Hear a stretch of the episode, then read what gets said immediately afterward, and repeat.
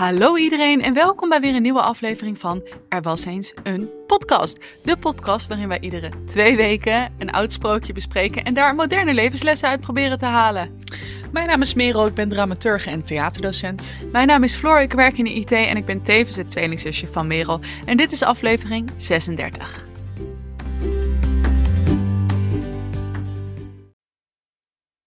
Nou Flore, we gaan weer terug naar de Pentamerone vandaag. I love it. Pentamerone Faf. Dat kunnen we wel gebruiken na het Hans Christian Andersen elfje van twee weken geleden. Mhm. Dus geen moraliserend... Nou, dat is niet waar. Het is natuurlijk wel een moraliserend verhaal, want dat is letterlijk elk sprookje. Dat heeft met het genre te maken natuurlijk. Eh, maar geen christelijke moraal in ieder geval. Fijn. Dus we hoeven niet meer bang te zijn dat er weer eh sprookjes zijn van... Oh, en ze gingen dood en dat was eigenlijk het enige wat iedereen wilde. Dus Nou, Klaar. gaan wel mensen in doods, maybe. Rip! oké. Nou, Het sprookje heet dus De Gans. Ja, Zoals jij net al zei, zeer inspirerende naam. ja, Klopt. ja. Misschien moeten we ook een keer het raamverhaal vertellen van de Pentamerone. Ja, klopt. Dat hebben we wel bij de Duizend en Nacht natuurlijk Ja, gedaan. Precies. Ja. ja, laten we dat een keer doen. Maar we Ja. zijn nu niet bij het raamverhaal, maar we Dat is hebben echt het grappig, hè? Want ik de was dit boek weer aan het doorbladeren en ik moest echt gewoon weer lachen over alle verhalen die we al hebben verteld. Zoals geitensnoet en zo, dat ik dacht, Ja. oeh ja. En de haan van het ste- eh, de steen van De het steen haantje. van het haantje. Oh, wat was dat ook alweer? Dat vond ik heel weird, weet ik nog. Ja, er zat een steen in die haan en die wilde iedereen hebben. oh, ja, ik zweer het. Oh. De berin, weet je dat nog? Ja, En iets met de slang. Ja, de slang. en was dat met dat ene slangetje die zo eigenwijs was? Ehm, ja, ja, nee, de slang die met die prinses ging trouwen. Ja, Ja, precies. Met al die zoentjes. Ja. ja. oh, ik heb er zin in. Heb je nog wat te Eh. vertellen voordat we er, erin duiken? Heb ik nog wat te vertellen? Nou ja, dat ik toch telkens weer terugkom naar de Pentamerone. Omdat heel eerlijk gezegd, heel veel sprookjes zijn gewoon ook niet leuk. Dus mensen, jullie denken misschien thuis, oh, een oneindige bron van content. Ja, dat is Ja. in principe zo. Ja. Maar er zijn ook heel veel sprookjes, of beter gewoon letterlijk geschreven. Maar dat heeft natuurlijk te maken met de schrijver. Maar ook sommige verhalen zijn gewoon zo fucking weird geconstrueerd. Ja. Dus ik had een verhaal. Nou, ik was een paar Russische verhalen weer aan het lezen. En ik weet, dit heb ik een paar weken geleden ook gezegd. Ehm, maar gewoon zo wack. Over dat een de vader, drie dochters, vader werkt op het land. Die dochters moeten lunch gaan brengen. Nou, dan een draak die misleidt eigenlijk à la Hans en Gietje. Ehm, want ze weten niet precies waar dat land is waar die vader werkt. Hè? Dus die Mhm. werkt op het land. Die zegt, oh ja, ik laat wel broodkruimels achter en zo. Dan kan je me straks komen vinden om mijn lunch te brengen. Mhm. Nou ja, die dochters die. ehm, eh, of de draak, dan is er ineens een draak. En die misleidt die dochters om naar zijn huis te komen in plaats van naar het land te gaan. Ehm, en eh, nou ja, dan gaan al die dochters, die worden dan een soort van vermoord door die draak. à la blauwbaard. Een soort van blauwbaard met Hans en Gietje gecombineerd. Dus er zijn allemaal kamers. En ehm, Ja, even camera ietsje verplaatsen. Zo. Oh ja. Ja. Er zijn eh, allemaal kamers. Eh, en daar mogen ze niet in komen. Nou gaan ze toch in, worden ze vermoord door die draak. En dan uiteindelijk dan blijft één dochter, die komt daar ook terecht, maar die blijft daar toch leven. En ze baart dan een half mens, half drakenkind. Maar vertel je dit nou helemaal? Dit is een perfect sprookje om een keer te bespreken. Nee, maar want wat gebeurt er? Zij vermoordt haar eigen kind. En ze gaat vervolgens in een kist zitten. Ze zegt eerst: hey, breng zo even die kist naar mijn vader toe. Ja. Dat je tegen die draak, dat je denkt, hè, maar hij houdt je daar toch gevangen? Ja. Gaat u toch niet een kist naar je vader brengen? Nee. Maar goed, dan gaat ze volgens in die kist zitten. En dan brengt die draak brengt die kist dan weg naar de vader. En dan is hij ontsnapt. Maar ja, dit is ook alweer waar we het vorige keer over hadden. Gewoon de randomness van die sprookjes. dan denk ik, letterlijk, die draak kan hun gevangen Ja. houden. Voor altijd, weet je wel. En het, het eindigt ook met, nu kon de draak er niks meer aan doen. Hij begreep dat hij in het ootje was genomen, maar hij kon er niks meer aan doen. Dat ik denk, hoezo niet? Je bent letterlijk een draak. Ja, hoe kan je al die vrouwen daar gevangen houden? En als je erachter komt dat je vrouw ontsnapt is door in een kist weggebracht te worden door jouzelf naar haar vader, nadat ze je kind heeft vermoord, kan je er ineens niks meer aan doen. Je kan letterlijk dat hele huis in de fik zetten als je wil. Ja. Nou goed, daar ben ik gewoon erg Ja, wat een van. frustratie. En ik kom, is dit eh, vandaag bij het sprookje wat je nu zo gaat bespreken, is dat ook een frustratie? Dat er random mogelijkheden zijn die je van tevoren niet wist? Nee, ik vind het wel een grappig sprookje. Het, is, eh, het is niet zo heel ingewikkeld. Het is eh, vrij simpel eigenlijk. Maar ik vond het wel eh, een leuk sprookje. En er staan weer een aantal mooie zinsneden in die ik ook graag met je wil delen. Nice. Oké, laten we beginnen met Oké, de, de gans. gans. De gans van uit de Pentamerone, dus van Giambattista Basile.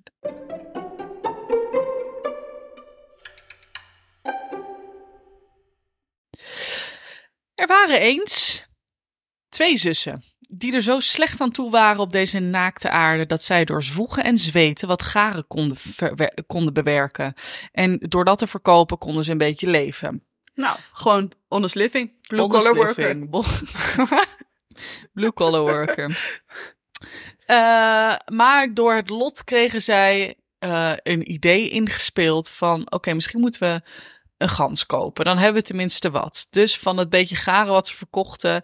eh, kochten zij een gans. Ja, ik zou toch een koe kopen als ik denk ik in die, Ja, in die mogelijkheden, in, in, in die situatie zat. Maar goed. Maar goed, ik bedoel, het is niet voor niks dat ze natuurlijk een gans kochten.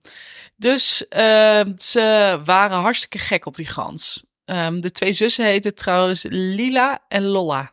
Lila en Lola. Ja. Leuk. Lila en Lolla. Ehm, Lila en Lolla brachten de gans thuis. Ze hielden zo van het dier dat ze eigenlijk behandelden alsof ja, het de derde zuster was. Dus eh, ze gingen ermee uit, ze gingen ermee naar bed. Ehm, Gezellig. En ehm, de, de gans die werd mooi groot, die was gezond. En op een gegeven moment begon die gans goudstukken te leggen. En langzamerhand Gouden eieren of echt munten? gouden munten. Oh. Ja, dus eh, Lila en Lolla konden er langzamerhand een grote kist mee vullen. En toen werden ze dus ook rijker, omdat Ja. die gans goudstukken legde. Dus wat een geluk dat ze toevallig één gans hebben kunnen kopen en dat die gans toevallig dan net goudstukken Snap legt. je? Ja. Ja, dat is het lot. Ja. Maar goed, wat gebeurde er toen? De vrouwen in het dorp die werden achterdochtig. En die zeiden, hè, zie je hoe zij erbij loopt? Ze waren toch allemaal echt straatarm? Hoe komt dat nou? Hoe komt dat nou? Nou, roddelen, roddelen, ro- roddelen. Ehm, en tenslotte, door afgunst daartoe aangezet, groeven zij een gat dat van hun huis toegang gaf tot dat van de beide meisjes. Om te bespioneren en zo te zien of zij misschien hun nieuwsgierigheid konden bevredigen. Oké. Kortom, ze groeven een gat dus om... eh, Uitgekiemd plan. ja, ik bedoel, ze kunnen ook gewoon aanbellen, toch? En, vragen van waarom zijn jullie nou ineens zo rijk geworden? Maar goed. klopt. Beetje omslachtig. Ja. Maar ja, ze wilden gewoon zien wat er a- aan de hand was. Nou Ja. ja.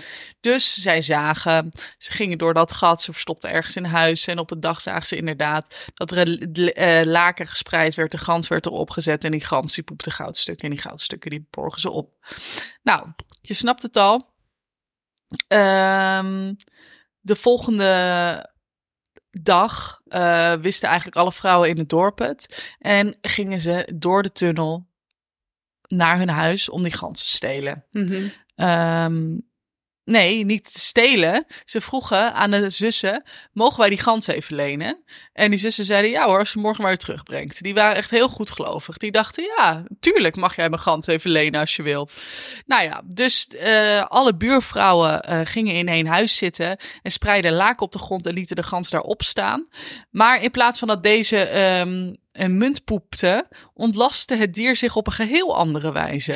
Dus gewoon op de normale wijze. Kutzooi. Ja, Ja. rip. Ehm, maar goed, zij dachten, misschien moeten we de gans even vetmesten. Dan kan hij weer veel poepen. En misschien heeft hij gewoon te weinig kracht om goudstukken uit Ja. te poepen. Goed Nou, idee.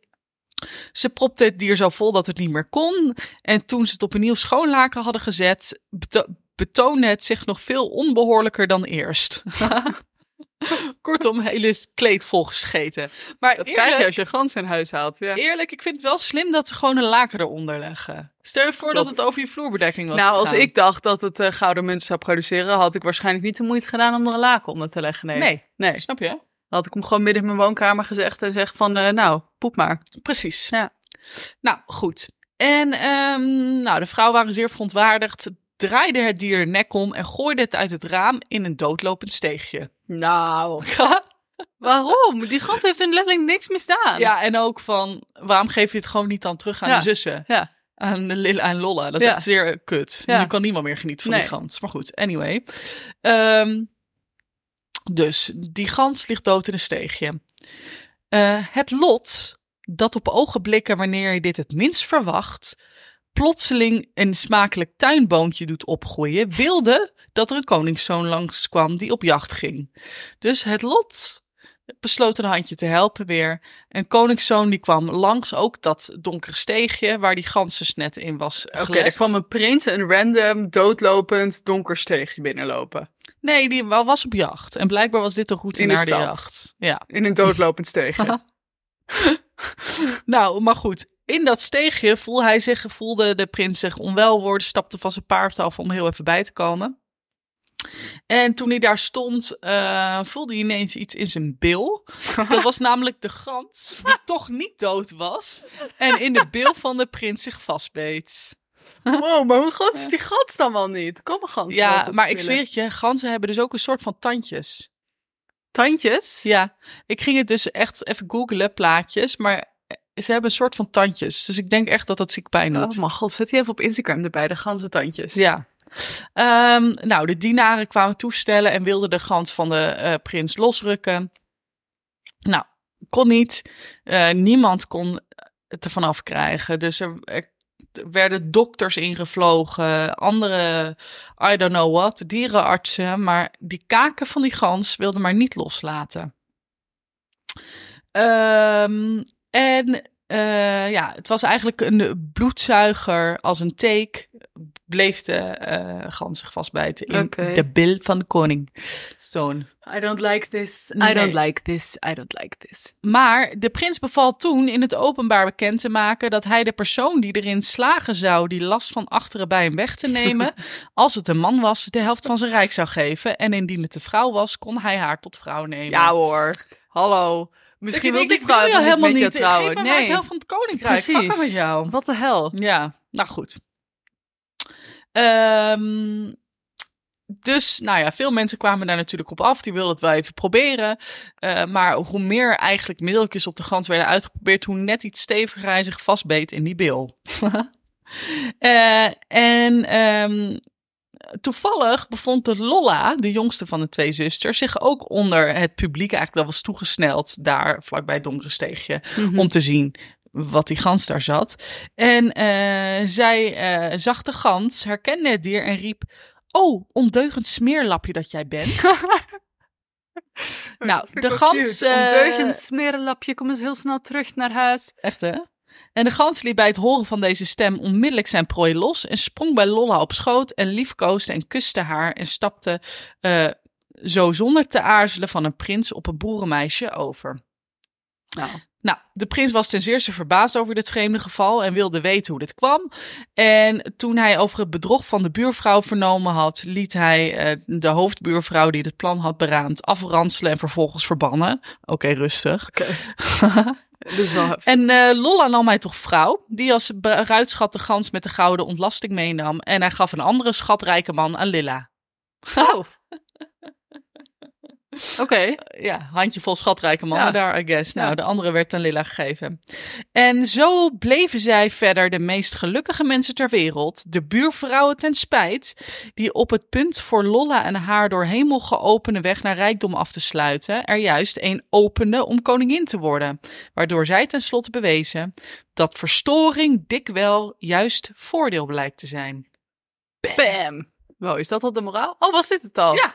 Oh, was een kort sprookje. Dus eigenlijk is het gewoon... Ze hebben geluk dat ze een gans hebben gekocht die eh, munten poept. Vervolgens wordt een stel buurvrouwen jaloers. Die nemen die gans weg en vermoorden hem. En dan bijt die gans bij de prins in zijn kont en dan is het klaar eigenlijk. Ja, een soort van aspoester element, toch? Ja. Van, eh, oh ja, wie dit, deze schoen past, die mag mijn vrouw worden. Ja, en nu wie deze gans uit mijn bil Ja. kan krijgen. Ja. Maar heel eerlijk, ze mogen die buurvrouwen ook best wel dankbaar zijn. Ja, maar dat is Want- toch, dat is de laatste zin. Ja, precies. Ja, ja. Dat verstoring dik wel juist voordeel blijkt te zijn. Ja, ja, want zonder die buurvrouw hadden ze natuurlijk nooit, had Lolla nooit met de prins getrouwd en Lilla nooit met Een een andere, andere rijke man. ik vind het wel echt, sorry, maar die hele patriarche opmerking van, nou, een man krijgt de helft van mijn rijk en, eh, en een vrouw mag met mij trouwen. Ja, en het is ook natuurlijk een beetje dat je denkt: oké, maar wat nou als een man hier staat en met jou wil trouwen? Ja, Ik bedoel, of wat als een vrouw gewoon een rijk wil? Zonder man. snap je? Ja. Ja. Ik vind het wel echt eh, een best wel groot offer van die prins om te maken. Want zo moeilijk kan het niet zijn om een gans van je af te krijgen. Ik bedoel, worst case scenario schiet je die gans toch gewoon dood. Dan laat dit toch vanzelf los. Nee, maar stel zeg maar, je hebt toch ook van die. Ja, ik weet nog eh, niet of je dat nog weet, maar je hebt van die soort van eh, buisjes waarmee je vroeger kon spelen, waar je dan ook wel je vinger in kon doen. Oh ja. En hoe ja. harder je trekt, hoe, hoe vaster die ging zitten. Ja. Ja, Toch? ja, van die, van die finger traps. Ja, zo. van die fingertraps. Dus hoe, ja. Nou ja, stel je voor dat gebeurt bij die gans. Ja.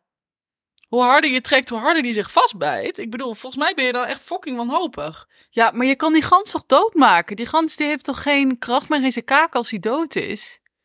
Of in zijn snaveltje met zijn gansentandjes? Klopt, maar dit was wel een magische gans, Ja. hè? Je weet het niet. Ja, maar dat wist die prins Want niet. hij was ook letterlijk vermoord en toen weer tot leven gekomen. Dat klopt. Je weet niet wat die gans nog meer zou doen als ze hem nog, nog een keer zouden verreken. Ja, Ja. precies. Oké. Nou, leuk verhaaltje. Ja. Staan er, staat daar nou... eh, dus de moraal was eigenlijk van... Eigenlijk iets wat eerst niet goed... Daar, wat, wat, wat lijkt alsof het een verstoring is, is eigenlijk vooruitgang aan het einde. Ja, zal ik nog even voorlezen Ja. wat er in het begin staat? Want in de Pentamerone staat ook wat aan het begin, als het verhaal wordt ingeleid, al de moraal. Ja. Eh, er bestaat een uitspraak van een voortreffelijk mens. Dat de ene hard werker de andere benijdt. De putjeschepper de putjeschepper. De muzikus de muzikus. De ene buur de andere. En de arme schobber zijn medebedelaar. Want er, is geen gat, want er is geen gat in het gebouw der wereld. waarin de vermalelijnde spinder afgunst zijn webben niet weeft. Die zich met niets anders voedt dan met de ellende van de naaste. Zoals ge bijzonder zult vernemen uit het sprookje dat ik hier ga vertellen. Oké, dus eigenlijk iedereen is jaloers op elkaar. Is, Ja. dat, is dat wat zegt? Ja, afgunst trekt ons allemaal. Ja. Dat het een soort van menselijk is om te kijken naar iemand anders en dan heel oppervlakkig dan te denken van deze persoon heeft veel beter voor elkaar of die heeft veel minder problemen of Ja, dat soort dingen. ja. Ja. Ja, dus eigenlijk, ja, wat je hier eigenlijk voornamelijk volgens mij uit mee kan nemen, is dat een ander saboteren. ehm, ten eerste niet per se altijd hoeft te werken. maar ten tweede dat het eigenlijk ook omgekeerd kan werken. En ten derde dat het jou actief nadeel kan bezorgen. Mhm. Ja. Oké, nou leuk. Wat denk jij dat de moraal van het verhaal is? Ja, dat Zelf. Zei ik, dat zei ik net dus. Ja, oké, dus je bent er wel mee eens wat er in het eh, boek staat. Ja, maar ja, dus eigenlijk dat het op drie manieren tegen je kan werken. Dat het eh, dat en je plan niet kan lukken en dat de ander er beter van kan worden en jij zelf er ook nog slechter van kan worden. Ja, Van jaloezie, ja, maar ja, jaloezie is echt moeilijk, hè? Het is echt een hele moeilijke emotie. Het gifgroene monster. Ik bedoel, eh, je kan het ook niet zomaar uitschakelen vaak, toch? Jaloezie. Dat je denkt, ja, ik weet niet of je, of je dat wel eens hebt gehad, dat je jaloers bent op iemand. Of heel jaloers dat je denkt, oh, dat is echt een lelijke emotie. Mhm. maar ik kan er niet zoveel aan doen. Nee, maar jaloezie, dat is ook gewoon vooral iets wat heel erg bij jezelf leeft. Dus eh, dat, weet je, alleen jij zelf hebt er last van dat jij heel erg jaloers op iemand anders bent. Ja, Dus eh, dan kan je beter, ja, het, het is moeilijk. Je kan, het is niet dat ik zeg van, oh, wees niet jaloers. En dat je dan denkt, oh ja, nou, ik ga nu niet meer jaloers zijn. Zo werkt dat ook precies, niet helemaal. precies. Maar goed, ik denk dat ik er iets anders in ga steken. Ehm, en dat is misschien van, ehm, nou, iets wat heel goed werkt voor iemand anders, werkt misschien niet zo goed voor jou. Dus stop je daarmee te vergelijken. Dus dan zie je hier bijvoorbeeld die gans, die heel veel rijkdom bracht voor eh, Lilla en Lolla, maar die voor de buurvrouwen eigenlijk niks bracht van kak. En voor de prins alleen Mooi. maar eh, eh, scherpe ganzentandjes bracht. Dus als we dat even vertalen naar het eh, leven, het moderne leven waar wij nu in leven, dan kan iemand een, weet ik veel, een bepaalde baan hebben, daar helemaal gelukkig mee zijn. Dat is helemaal het ding. Kijk gewoon naar wat jij zelf nodig hebt. Want het is niet zo als iets voor iemand anders heel goed werkt, dat dat dan voor jou dezelfde voordelen gaat brengen. En dat heeft op heel veel vlakken te maken. En bijvoorbeeld ook met, nou ben ik sowieso niet zo voor dieet, maar met diëten, voedingspatronen, levenspatronen, ja. uh, baan, uh, weet ik veel, huis. Sommige mensen die wonen heel graag uh, midden in de stad, sommige mensen wonen heel graag op het platteland. Er is geen één recept voor succes of voor geluk. Ja, precies, mooi. Ja, dus kijk daarin niet echt naar anderen, maar probeer te luisteren naar wat je zelf blij van wordt en, en wat je zelf nodig hebt. Ja, precies. En dat is natuurlijk ook heel lastig of zo, want hoe weet je waar je zelf blij van wordt? Ja. Maar je hoeft het in ieder geval niet dingen te doen omdat anderen het doen. Ja. Of wel, maar besef dat dat niet um, per se inderdaad het de key to happiness is. Nee. Nee, of to succes. Nou, leuk Merel. Was een uh, leuk uh, simpel sprookje inderdaad. Ja. Dus de twee moralen van het verhaal zijn? Uh, door te handelen naar afgunst slash jaloezie... Um, kan je ook zelf er slechter van worden en de ander juist meer geluk geven. Ja, en mijn moraal die ik eruit haalde was: wat heel goed kan werken voor iemand anders, hoeft niet per se voor jou goed te werken. Dus in plaats van je te spiegelen aan andere mensen om iets te bereiken, luister naar jezelf. Ja, ja. Oké okay, mensen, dat was hem weer. Uh, als je dit leuk vond, horen we het graag. Als je het niet leuk vond, uh, kan je je commentaar voor je houden. dan horen we het op zich ook graag. Laat het ons even weten op Instagram, er was in zijn podcast. We zitten ook op TikTok trouwens. Uh, en als je nog suggesties hebt, dan laat het ons ook weten. En dan horen jullie ons over twee weken weer. Yes, okay, goodbye. Bye.